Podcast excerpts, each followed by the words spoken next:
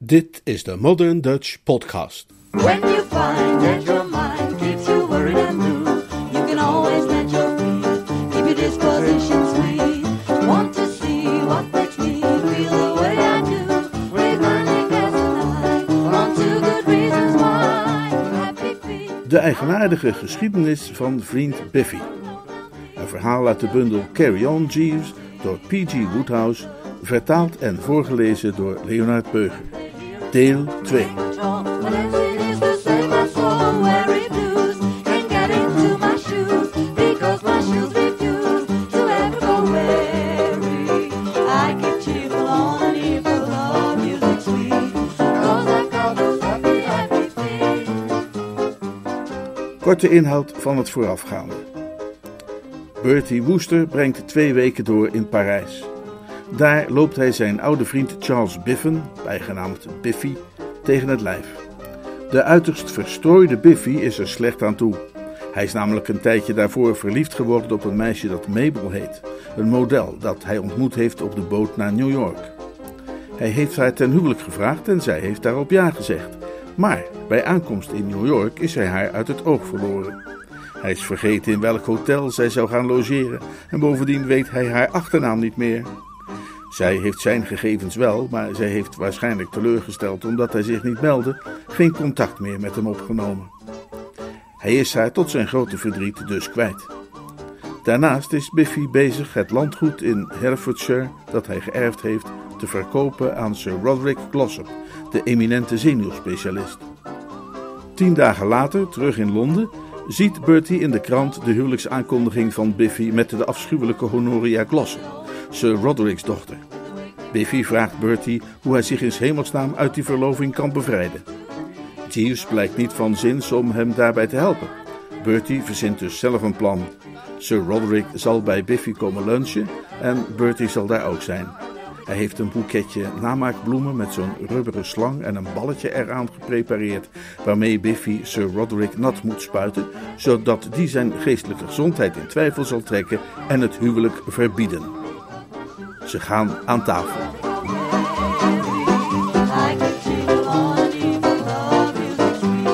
In het begin zag het er naar uit dat dit zo'n ijzige en volkomen doodgeslagen maaltijd zou worden, zoals die zo af en toe passeren in het leven van de frequente buiten de deur luncher. Biffy, een gastheer van het C3-niveau, droeg al helemaal niets bij aan het feest der rede en het stromen van de ziel, afgezien van een hikje zo af en toe. En iedere keer dat ik een leuke te berde wilde brengen, richtte Sir Roderick zo'n doordringende blik op me dat ik maar weer meteen aan de rem trok. Gelukkig echter bestond de tweede gang uit een kip fricassé van dermate voortreffelijke kwaliteit dat de oude heer na een eerste portie te hebben verslonden zijn bordje bijhield voor een tweede aflevering en zich bijna hartelijk begon te tonen. "Eh, ik ben vandaag hier, Charles, zei hij met wat praktisch grensde aan bonhomie, op wat je zou kunnen beschrijven als eh, een missie. ja, eh, een missie. Verrukkelijke kip trouwens, dit. Fijn dat het u smaakt, mompelde de brave Biffy. Opvallend lekker, zei Sir Roderick en harkte nog een half onsje naar binnen. Ja, zoals ik zeg, een missie. Ja. Jullie ook lui van tegenwoordig zijn, weet ik, tevreden om te wonen in het midden van de meest verbijsterende metropool die de wereld ooit heeft gezien, blind en onverschillig voor de vele wonderen van die stad. Was ik een gokker, wat ik nadrukkelijk niet ben, dan zou ik er een aanzienlijke som onder durven verwedden dat jullie nog nooit van je leven een historische plek hebt bezocht als Westminster Abbey. Heb ik gelijk of niet? Biffy gromde iets over dat hij dat altijd al wel eens had willen doen. Of de Tower van Londen? Nee, ook de Tower van Londen niet. En zo is er op dit eigenste ogenblik nog geen twintig minuten per taxi vanaf Hyde Park Corner de meest fascinerende, interessante en ultiem leerzame verzameling te zien van objecten, zowel van bezielde als onbezielde aard, verzameld uit alle hoeken van het Britse keizerrijk, die ooit in de Engelse geschiedenis werd bijeengebracht. Ik bedoel de tentoonstelling van het Britse Rijk, die op dit moment in Wembley wordt gehouden. Iemand vertelde me gisteren een leuke over Wembley, zei ik, om het aangenaam voor het kabbelen van de conversatie gaande te houden. Eh, je moet het zeggen als je hem al eerder gehoord hebt, hoor, maar eh, eh, een kerel stapt op een dove man af, die buiten voor het tentoonstellingsgebouw staat, en hij vraagt, is dit Wembley? Hè? zegt die dove. Dit is Wembley, toch? vraagt die kerel een beetje luider. Hè? zegt die dove weer. Dit is Wembley, zegt die kerel tenslotte. Ja, zegt die dove, dat weet ik ook wel. Wat zeg je daarvan? De vrolijke lach bevroor me op de lippen. Sir Roderick zwaaide een wenkbrauw in mijn richting en ik begreep dat ik beter even in mijn mand kon blijven. Ik heb nooit iemand ontmoet die een mens meer het gevoel kon geven volstrekt overbodig te zijn. Heb je de tentoonstellingen Wembley al eens bezocht, Charles? vroeg hij, niet? Nou, precies, dat dacht ik al. Nou, dat is dus de missie waar ik vanmiddag opgezonden ben. Ja, Honoria wil graag dat ik jou meeneem naar Wembley. Ze zegt dat het je blik op de wereld zal verbreden en dat ben ik geheel en al met haar eens. We uh, vertrekken direct naar de lunch. Biffy wierp mij een smekende blik toe. Jij gaat er ook wel mee, eh, Bertie? Er lag zoveel angst in die blik verborgen dat ik niet meer dan een seconde aarzelde. Een vriend is nu eenmaal een vriend. Bovendien dacht ik dat als de rubberen bal de hoge verwachtingen die ik ervan had waarmaakte, dat vrolijk uitstapje wel eens niet door zou kunnen gaan. Eh, ja, natuurlijk, zei ik. Uh, wij mogen geen misbruik maken van Mr. Woesters welwillendheid, zei Sir Roderick met een tamelijk rood aanlopend hoofd. Oh, maar dat is geen probleem hoor, zei ik. Ik wilde al een hele tijd naar die tentoonstelling. Ik ren even langs huis om het te verkleden en dan pik ik jullie op met de wagen. Er viel even stilte. Biffy leek te opgelucht dat hij niet de hele middag eens in eentje hoefde door te brengen in gezelschap van Sir Roderick om iets te kunnen uitbrengen, en Sir Roderick verzonk in een stil misnoegen. Maar toen viel zijn oog op het boeketje naast Biffy's bord. Ah, zei hij, bloemen, Latirus, als ik mij niet vergis. Een lieflijke plant, aangenaam voor het oog, zowel als voor de neus. Ik ving Biffy's blik van over de tafel. Zijn ogen puilden daarbij uit en er gloeide een wonderlijk licht in. Uh, uh, houdt u van bloemen, Sir Roderick? vroeg hij met krassende stem. Ja, ja, heel veel. Uh, ruikt u dan eens deze? Sir Roderick boog voorover en snoof. Biffy's vingers sloten zich rond de bal. Ik deed mijn ogen dicht en hield de tafel vast. Bijzonder aangenaam, hoorde ik Sir zeggen. Erg, erg lekker. Ik deed mijn ogen weer open en zag hoe Biffy achterover leunde op zijn stoel, met een gruwelijke uitdrukking op zijn gezicht en het boeketje op het tafelkleed naast zich. Ik besefte wat er gebeurd moest zijn. Tijdens dit crisismoment in zijn leven, waarbij zijn ganse levensgeluk afhing van niet meer dan een lichte druk van zijn vingers, had Biffy, dat ruggengraatloze weekdier, de moed verloren. Mijn scherp beredeneerde plan was in duigen gevallen. Jeeves was bezig met de geraniums op de vensterbank toen ik thuis kwam.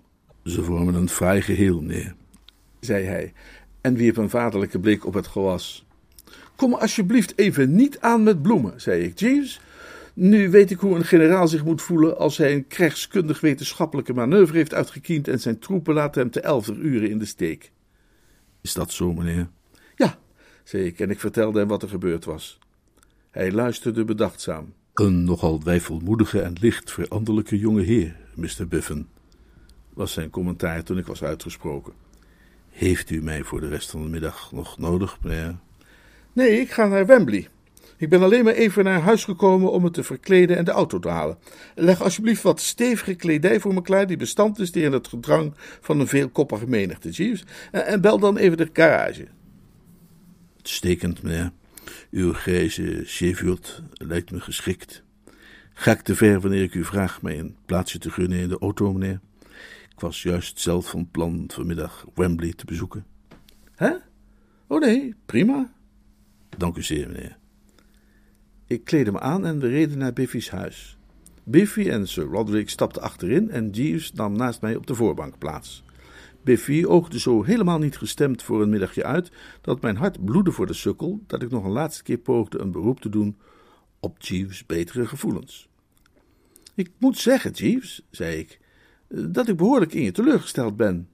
Het spijt me dat te horen, meneer. Toch is het zo bliksems teleurgesteld. Ik, ik vind echt dat je wat hulp had mogen bieden. Heb je Mr. Biffens gezicht gezien? Ja, meneer. Nou, dan weet je het. Als u mij niet kwalijk wilt nemen dat ik het zeg, meneer. Mr. Biffen heeft het toch zeker alleen zichzelf te verwijten wanneer hij huwelijksverplichtingen is aangegaan die hem niet passen. Je kletst uit je nek, Jeeves. Je weet net zo goed als ik dat Honoria Glossop een natuurramp is, een slag van het lot. Je zou net zo goed iemand kunnen kwalijk nemen dat hij wordt overreden door een vrachtwagen. Ja, meneer. Absoluut, ja.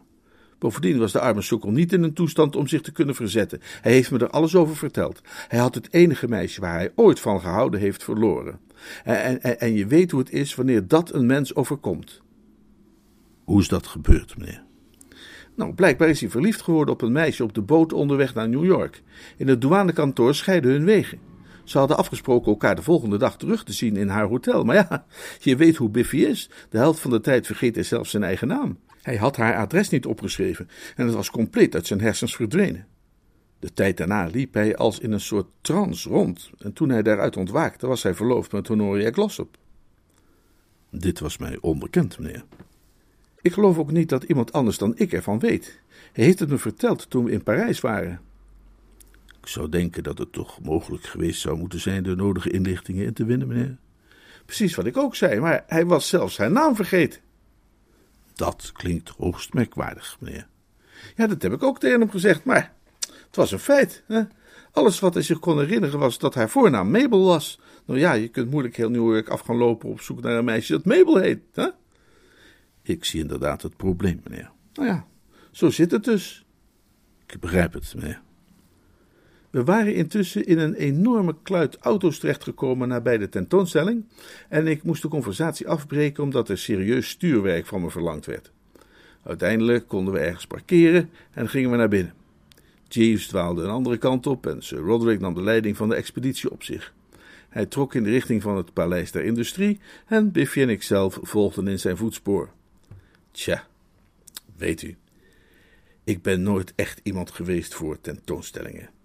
Waar de bevolking zich in massa's verzamelt, voel ik mij nooit zo prettig. En na een kwartiertje te hebben voortgeschuifeld te midden van de menigte, begin ik me altijd te voelen alsof ik op hete kolen loop. En bij deze specifieke toestand leek me bovendien nogal een flink tekort te zijn aan de menselijke belangstellingsfactor. Maar ja, kan zijn dat er miljoenen mensen zo geschapen zijn dat ze van vreugde en opwinding gaan juichen bij de aanblik van een egelvis of een glazen pot met zaden uit West-Australië, zo niet echter Bertram. Nee, als u het woord geloven wilt van iemand die u niet beliegen zal, zo niet onze Bertram. Tegen de tijd dat we het Afrikaanse dorpje waren doorgestrompeld op weg naar het machinepaleis, begon alles erop te wijzen dat een stille ontsnapping in de richting van die vrolijk ogende Planters Bar in de West-Indische afdeling imminent was. Sir Roderick had ons daar in hoog tempo langs geloodst, daar die inrichting hem niet erg aansprak, maar mij was opgevallen dat er een opgewekte sportieveling achter de bar stond, die dingen uit flessen handig met elkaar mixte en met een stokje omroerde in hoge glazen waar zo te zien ijs in zat, en ik kreeg een sterke behoefte die man eens van meer nabij te ontmoeten. Ik stond op het punt af te haken bij het peloton toen iemand mij aan de mouw trok. Het was Biffy, en hij zag eruit als iemand die er behoorlijk genoeg van had. Er zijn zekere ogenblikken in het leven waarop woorden overbodig zijn. Ik keek Biffy aan en Biffy keek mij aan. Een volmaakt wederzijds begrip verbond onze zielen. Drie minuten later hadden wij ons bij de planters gevoegd. Ik ben nooit in West-Indië geweest, maar ik kan uit ervaring zeggen dat ze daar op bepaalde fundamentele levensgebieden een straatlengte voor liggen op de Europese beschaving. De man achter de bar, een type zo vriendelijk als je je maar kunt wensen, leek onze behoefte te raden op het moment dat we onze neus maar vertoonden. Nauwelijks hadden onze ellebogen het hout geraakt, of hij sprong al heen en weer en toverde bij iedere sprong een nieuwe fles tevoorschijn. Een planter beschouwt een drankje kennelijk pas als consumabel wanneer het minstens zeven ingrediënten bevat, en let wel, ik beweer niet dat er met die opvatting iets mis is. De man achter de bar vertelde ons dat de dingen die hij ons schonk green swizzles heten. En als ik ooit zal trouwen en een zoon krijg, is de naam waaronder hij zal worden ingeschreven Green Swizzle Wooster. Ter herinnering aan de dag dat zijn vaders leven werd gered in Wembley. Na het derde exemplaar slaakte Biffy een tevreden zucht. Waar denk je dat Sir Roderick nu is? vroeg hij. Biffy, beste krul, antwoordde ik openhartig. Ach, kan mij werkelijk geen lor schelen. Betty, rakker, zei Biffy. Mij ook niet. Hij slaakte nog een zucht en verbrak tenslotte een lange stilte door de man achter de bar om een rietje te vragen. Bertie, zei hij, ik herinner me zojuist iets nogal mals, merkwaardigs bedoel ik. Je kent toch Jeeves? Ik zei dat ik Jeeves kende. Nou, er gebeurde iets nogal raars toen we hier naar binnen gingen. Die Jeeves kwam zo'n beetje tegen me aanstaan en toen zei hij iets heel raars. Je raadt nooit wat. Nee, vast niet. Denk het ook niet. Jeeves zei, ging Biffy ernstig verder, en, dan citeer ik hem letterlijk, hè. Hij zei, Mr. Biffen, hm, zei hij. Hij had het namelijk tegen mij, begrijp je wel? Ja, dat begrijp ik wel. Mr. Biffen, ik raad u dringend aan het, uh, het dinges te bezoeken. Het wat? vroeg ik toen hij zweeg. Ja, Bertie, beste kerel, zei Biffy met een diep bezorgd gezicht. Dat ben ik dan weer compleet vergeten. Ik staarde de man aan. Wat ik nou niet begrijp, zei ik, is hoe het jou lukt om dat landgoed van jou in Herefordshire ook maar een dag aan de gang te houden. Hoe herinner jij je in hemelsnaam om de koeien te melken hè? En, en, en, en de varkens hun maaltijd te serveren? Oh, maar dat lukt wel. Er zijn daar allerlei lui, knechten, leerlingen weer wel, die voor al die dingen zorgen. Aha, zei ik. Maar goed, als het zo zit, dan nemen we gewoon nog een green swizzle. Hè? En daarna op naar het pretpark. Ik mag mij dan wat hebben laten gaan in mijn bittere oordeel over tentoonstellingen in het algemeen. U moet wel begrijpen dat ik het daarbij niet gemunt had op wat je zou kunnen noemen de meer aardse onderdelen of aanhangsels van die wonderlijke organisaties. Ik doe voor niemand onder in mijn waardering voor die instellingen waar je tegen betaling van een shilling op een matje langs een glijbaan naar beneden mag zoeven. Ik ben dol op de cakewalk en ik wil het tegen iedereen opnemen bij skiball om, om geld, postzegels of wapennootjes. Een feestelijke genieter bij dit soort gelegenheden kan men mij dus rustig noemen. Ik bleef echter nergens vergeleken met Buffy. Of het door de Green Sizzles kwam, of puur door het bevrijd zijn van Sir Roderick, weet ik niet, maar Biffy wierp zich op de vermakelijkheden van het proletariaat met een animo die bijna beangstigend was. Hij was bijna niet weg te sleuren uit de karretjes van de American Whip, en wat de achtbaan betreft leek het wel of hij er de rest van zijn leven in wilde doorbrengen. Eindelijk lukte het me om hem daaruit los te weken. Met glanzende ogen liep hij met me mee te midden van de menigte, weifelend of hij zijn toekomst zou laten voorspellen, dan wel een rondje maken in het reuzenrad, toen hij plotseling mijn arm greep en een felle dierlijke kreet slaakte. Bertie! Wat nu weer? Hij wees naar een gebouw met daarop een opschrift in grote letters. Kijk daar! Het Paleis der Schoonheid! Ik probeerde zijn enthousiasme een beetje te dempen. Ik, ik, was inmiddels wat moe aan het worden en niet meer zo jong als ik was. Eh, daar hoef je niet heen, zei ik.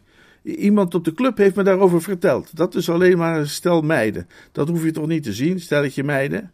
En of ik dat wil zien, een stelletje meiden. Hoe meer meiden, hoe beter, zei Biffy vastbesloten. Massa's meiden wil ik zien. En liefst zo verschillend mogelijk van Honoria. Bovendien schiet me nu opeens weer te binnen dat dit is waarvan Jeeves zei dat ik er beslist een kijkje moest gaan nemen. Ik herinner het me nu weer precies. Mr. Biffen, zei hij, ik raad u sterk aan om het Paleis der Schoonheid te bezoeken. Waarom hij dat zei of wat zijn bedoeling was, weet ik niet. Maar Bertie, ik vraag je, is het verstandig? Is het veilig? Is het verantwoord om welke raad ook van Jeeves in de wind te slaan? Door die deur daar links kunnen we naar binnen. Ik weet niet of u dat Paleis der Schoonheid kent. Het is een soort aquarium vol exemplaren van het schone geslacht in plaats van vissen. Je gaat naar binnen en dan kom je bij een soort kooi met een vrouwspersoon erin dat door een spiegelruit naar je gluurt. Ze heeft een of ander raar kostuum aan en boven die kooi staat dan geschreven Helena van Troje. Dan ga je verder en dan kom je bij iemand die jiu-jitsu doet met een slang onder het opschrift Cleopatra. En zo voort en zo verder, je snapt het idee. Beroemde vrouwen door de eeuwen heen. Mij vermocht het niet bijzonder te boeien. Ik vind persoonlijk dat de vrouw, hoe lieflijk ook, veel van haar charme inboet als je naar haar moet gaan staan loeren in een glazen bak. Bovendien kreeg ik er het ongemakkelijke gevoel bij dat je ook krijgt als je in een vreemd huis de verkeerde slaapkamer binnenloopt. Dus ik fladderde er eigenlijk op hoge snelheid langs om het zo gauw mogelijk achter de rug te hebben, toen Biffy plotseling helemaal gek werd. Althans, zo zag het eruit. Hij slaakte een doordringende kreet, pakte mijn arm in een greep als de beet van een krokodil en bleef raar staan brabbelen. Wuk!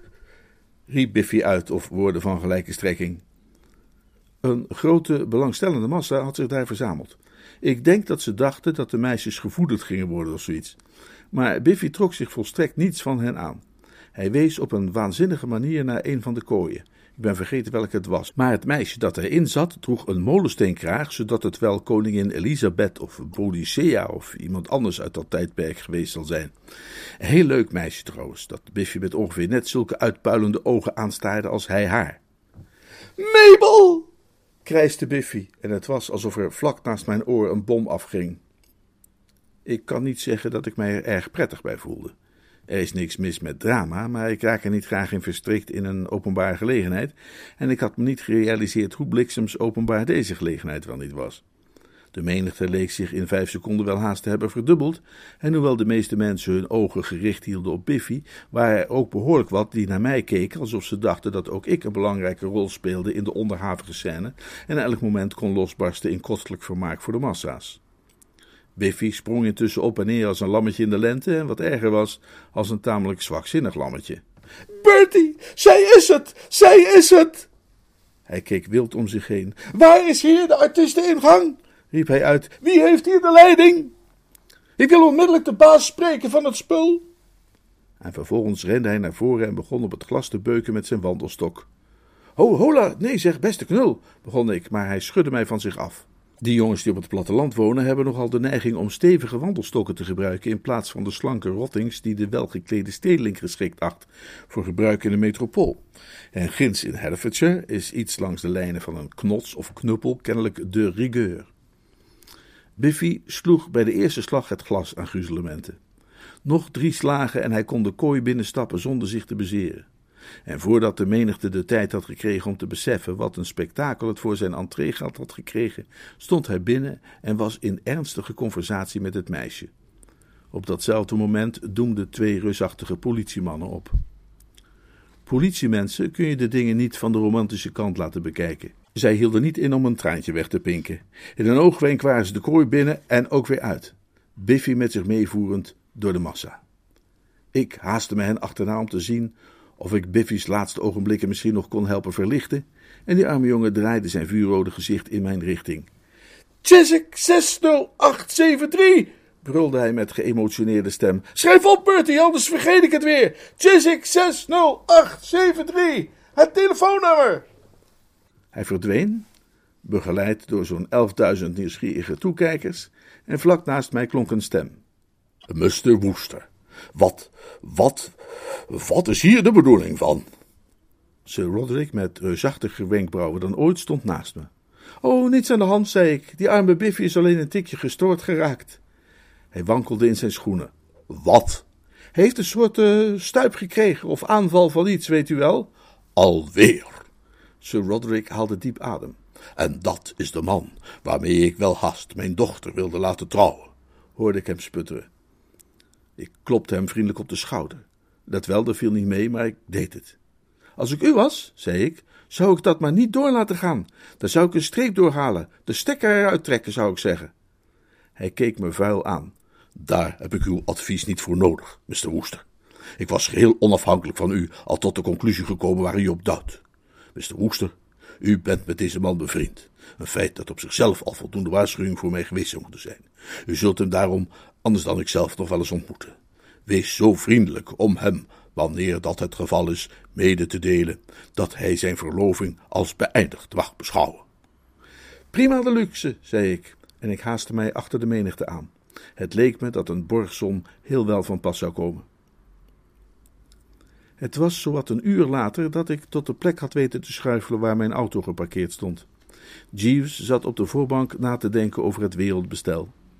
Hij stond beleefd op toen ik naderbij kwam. U was van plan te vertrekken, meneer? Zeker. En Sir Roderick, meneer? Nee, die komt niet. Ik onthul geen geheim, Jeeves, wanneer ik je vertel dat hij en ik tabé hebben gezegd tegen elkaar. We hebben ieder contact verbroken. Werkelijk, meneer? En Mr. Biffen, wilt u op hem wachten? Nee, uh, hij zit in het gevang. Werkelijk, meneer? Ja, ik heb geprobeerd hem op borgtocht vrij te krijgen, maar ze willen hem een nachtje houden. Waar wordt hij van beschuldigd, meneer? Eh, weet je nog dat meisje waar ik het over heb gehad? Hij heeft haar gevonden. In zo'n glazen kooi in het paleis der schoonheid. Hij wilde langs de kortste weg naar haar toe. En dat was via de spiegelruit. Vervolgens werd hij door de Herman dat in de boeien geslagen en gevankelijk weggevoerd. Ik keek hem zijdelings aan. Het is heel moeilijk om een doordringende blik op iemand te werpen vanuit de uiterste ooghoek, maar ik kreeg het voor elkaar. Genius, zei ik. Hier zit meer achter dan de toevallige waarnemer zou veronderstellen. Jij zei tegen Mr. Biffen dat hij vooral naar het paleis der schoonheid moest gaan. Wist jij dat dat meisje daar zou zijn? Ja, meneer. Dat was hoogst merkwaardig en ook wel een beetje raar. Maar verdorie, weet jij dan alles? Oh nee, meneer, zei Jeeves. Hij is graag vriendelijk voor zijn jonge meester. Maar hoe wist je dat dan? Ik ben toevallig persoonlijk bekend met de aanstaande Mrs. Biffen. Aha, dus jij was van die kant op de hoogte van wat er in New York was gebeurd? Ja, meneer. En het was om die reden dat ik niet gunstig gestemd was ten opzichte van Mr. Biffen de eerste keer dat u zo vriendelijk was mij te vragen of ik wellicht een bijdrage zou kunnen leveren tot een oplossing van zijn problemen. Ik veronderstelde ten onrechte dat hij een loopje had genomen met het arme kind. Toen u mij later echter de ware feiten meedeelde, moest ik het onrecht erkennen dat ik Mr. Biffen had aangedaan, en ik heb gepoogd dat te herstellen. Nou, hij mag jou dan ook wel dankbaar zijn. Hij is werkelijk stapel op haar. Dat is bijzonder bevredigend, meneer. En zij heeft trouwens ook wel reden om je te bedanken. Vriend Biffy heeft een inkomen van 15.000 per jaar en bovendien zoveel koeien, varkens, kippen en eenden dat hij niet weet wat hij ermee aan moet. Een bijzonder handig type om in de familie te hebben. Ja, meneer. Maar zeg eens, Jeeves, zei ik, hoe heb jij dat meisje dan eigenlijk leren kennen? Jeeves stuurde dromerig naar het tegemoetkomende verkeer. Zij is mijn nichtje, meneer. Uh, uh, wanneer u mij de opmerking niet kwalijk wilt nemen, meneer, misschien zou u het stuurwiel wat minder abrupt kunnen bewegen. We waren bijna op die autobus gebotst.